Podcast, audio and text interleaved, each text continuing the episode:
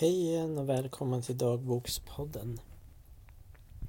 Idag är jag på ett helt annat, eller nytt ställe och spelar in. Jag är på, på jobbet faktiskt. Jag går ju i skolan nu i vanliga fall på 100% men den här helgen så har jag hoppat in och jobbat extra. Eh, och har då journatten på jobbet så jag ska sova här. Så nu är jag på jobbet och spelar in idag. För den här veckan som har varit så har vi i skolan fått göra och prova massa nya grejer och lärt oss massa nya grejer. Bland annat så tog våran lärare med sig massa maskiner som han jobbar med. Eh, maskiner som på olika sätt eh, skannar av eh, ens kropp och sen i ett dataprogram då talar om vad i kroppen som är i obalans eller inte fungerar riktigt som det ska eller sådär. Eh, och det gör det med hjälp av att man får ta på sig elektroder eller eh, får som en eh, st stråle på sig av någon penna av något slag. Jag fattar inte riktigt hur det funkade. Eh, och också ha på sig som band på handleder, fötter och på huvudet. Så det är lite olika maskiner beroende på, beroende på det så var det olika eh, avläsningsmekanismer också eller vad man ska säga. Men alla maskiner gick i alla fall ut på att den skannade av kroppen och kollade efter obalanser eller något som var tokigt sådär. Eh, som man sen kan rätta till genom att skicka, med hjälp av maskinerna skicka nya elektromagnetiska signaler tror jag det heter. Eh, för att vår hjärna sänder ut sådana till vår kropp hela tiden men de signalerna eh, kan ibland bli fel eller sådär.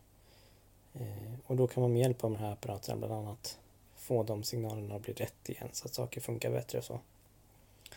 Eh, och det som är så bra med de här är att man kan se precis allting i hela kroppen. Alltså du kan se hur organen funkar, hur hormonerna funkar, om du har brist på någon mineral. Eh, alltså you name it typ så kan de här maskinerna hitta det. Eh, och under tiden som vi satt och blev visade allt det här i klassen så eh, blev jag så himla fascinerad över hur det funkar. Och att det verkar funka så himla bra. Att rätta till saker i kroppen som är tokigt sådär. Eh, och tappa lite det här kritiska tänket. För jag tycker det är väldigt viktigt att vara kritisk inför saker som, som man får lära sig. Eller som man blir eh, utsatt för, om man ska säga. Att man har ett kritiskt förhållningssätt för att se eh, ja, men, ja, men för att inte bli lurad eller, eh, eller hamna någonstans där man kanske inte vill hamna. så. Eh, men i alla fall under lektionen så blev jag väldigt fascinerad av det här och sögs verkligen in i i konceptet och gillade det verkligen och kände så här shit det här vill jag jobba med liksom. Eh, för att det verkar så himla häftigt.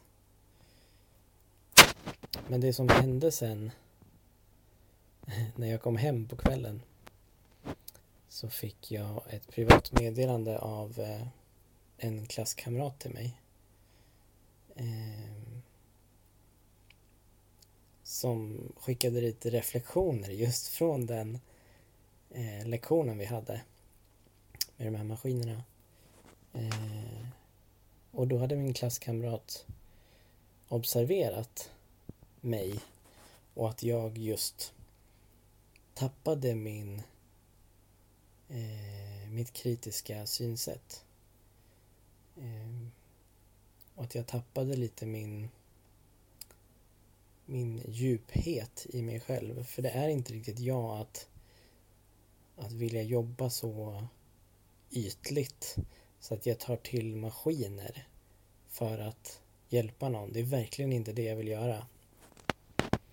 Min klasskamrat eh, hade observerat att jag hade oh, sugit in i det här så mycket så att jag tappade lite mig själv. Eh, så hon påminde mig helt enkelt om vem jag egentligen är och vad jag egentligen vill med den här utbildningen.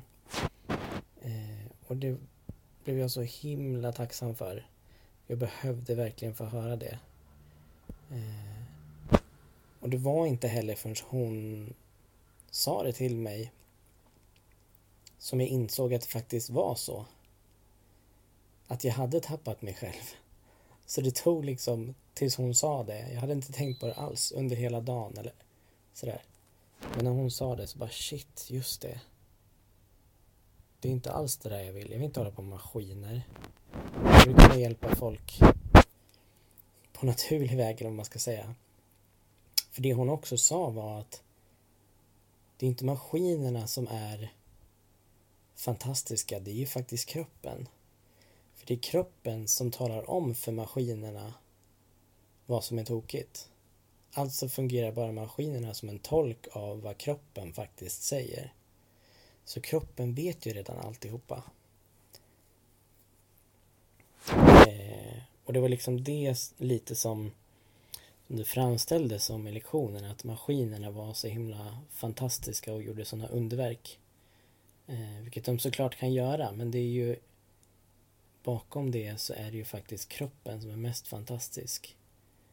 Som kan tala om så mycket för oss. Eh, vad som pågår. Eh, Eh, och det blev jag igen påmind om dagen efter sen. För då hade vi besök av en naprapat och kinesiolog eh, som föreläste lite och även visade olika behandlingsmetoder och knep sådär för att fixa obalanser och krämpor och så i kroppen. Eh, och den personen gjorde ju det utan maskiner.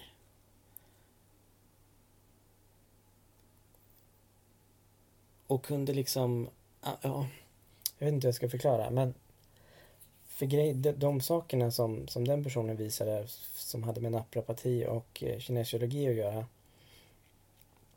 eh, var väldigt mycket samma sak som de här maskinerna hjälpte till med.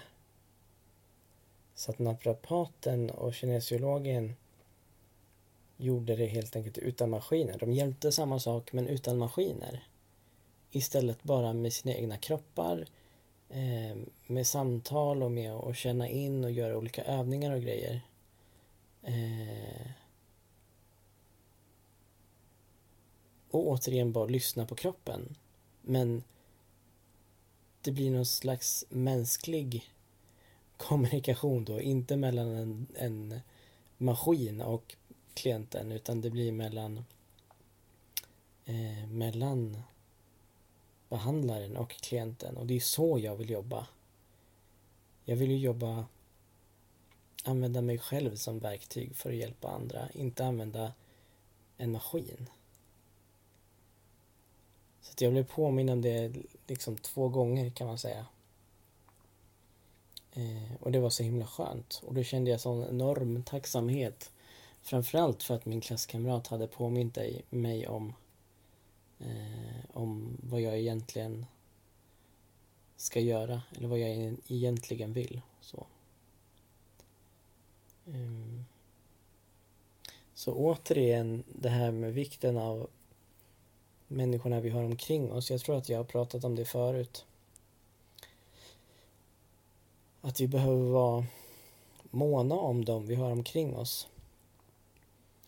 För ofta betyder de mycket, mycket mer än vad vi tänker på till vardags. Någonstans blir det en bara en självklarhet att de människorna vi har omkring oss ska finnas där. Och vi glömmer ofta bort hur viktiga de faktiskt är och hur stort värde de har för vårt liv och vad de gör för, vår, för oss och våra liv.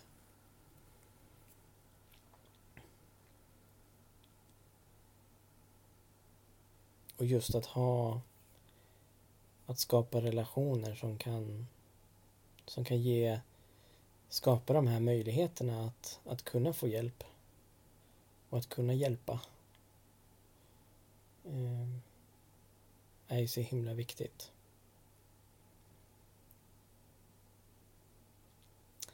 Och då tänker jag också att det är viktigt att inte bara att skapa sig relationer och ta hand om och ta vara på sina relationer med människorna man har i sitt liv. Men också se över sina relationer. Vilka relationer som man faktiskt vill ha kvar och vilka relationer som man kanske inte vill ha kvar. Som man kanske inte behöver ha kvar. Som rent av behöver eh, dö ut. För ibland kan det ju vara så, tragiskt nog, eh, att man behöver göra sig av med folk i sitt liv. För att de inte längre gynnar eh, ja, gynnar ens sätt att leva eller vad man ska säga. För man vill ju ha människor omkring sig som eh, som lyfter och stärker en, inte tvärtom. Och en del människor tar mer energi än vad de ger. Och sådana människor vill man inte ha i sitt liv. Eh, för då blir man dränerad till slut. Det behöver vara ett givande och tagande.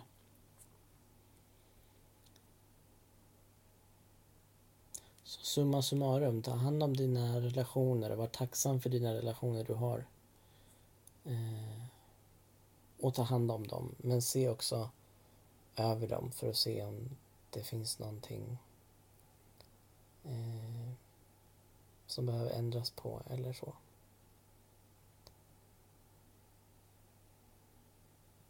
Tack så jättemycket för att du lyssnade idag.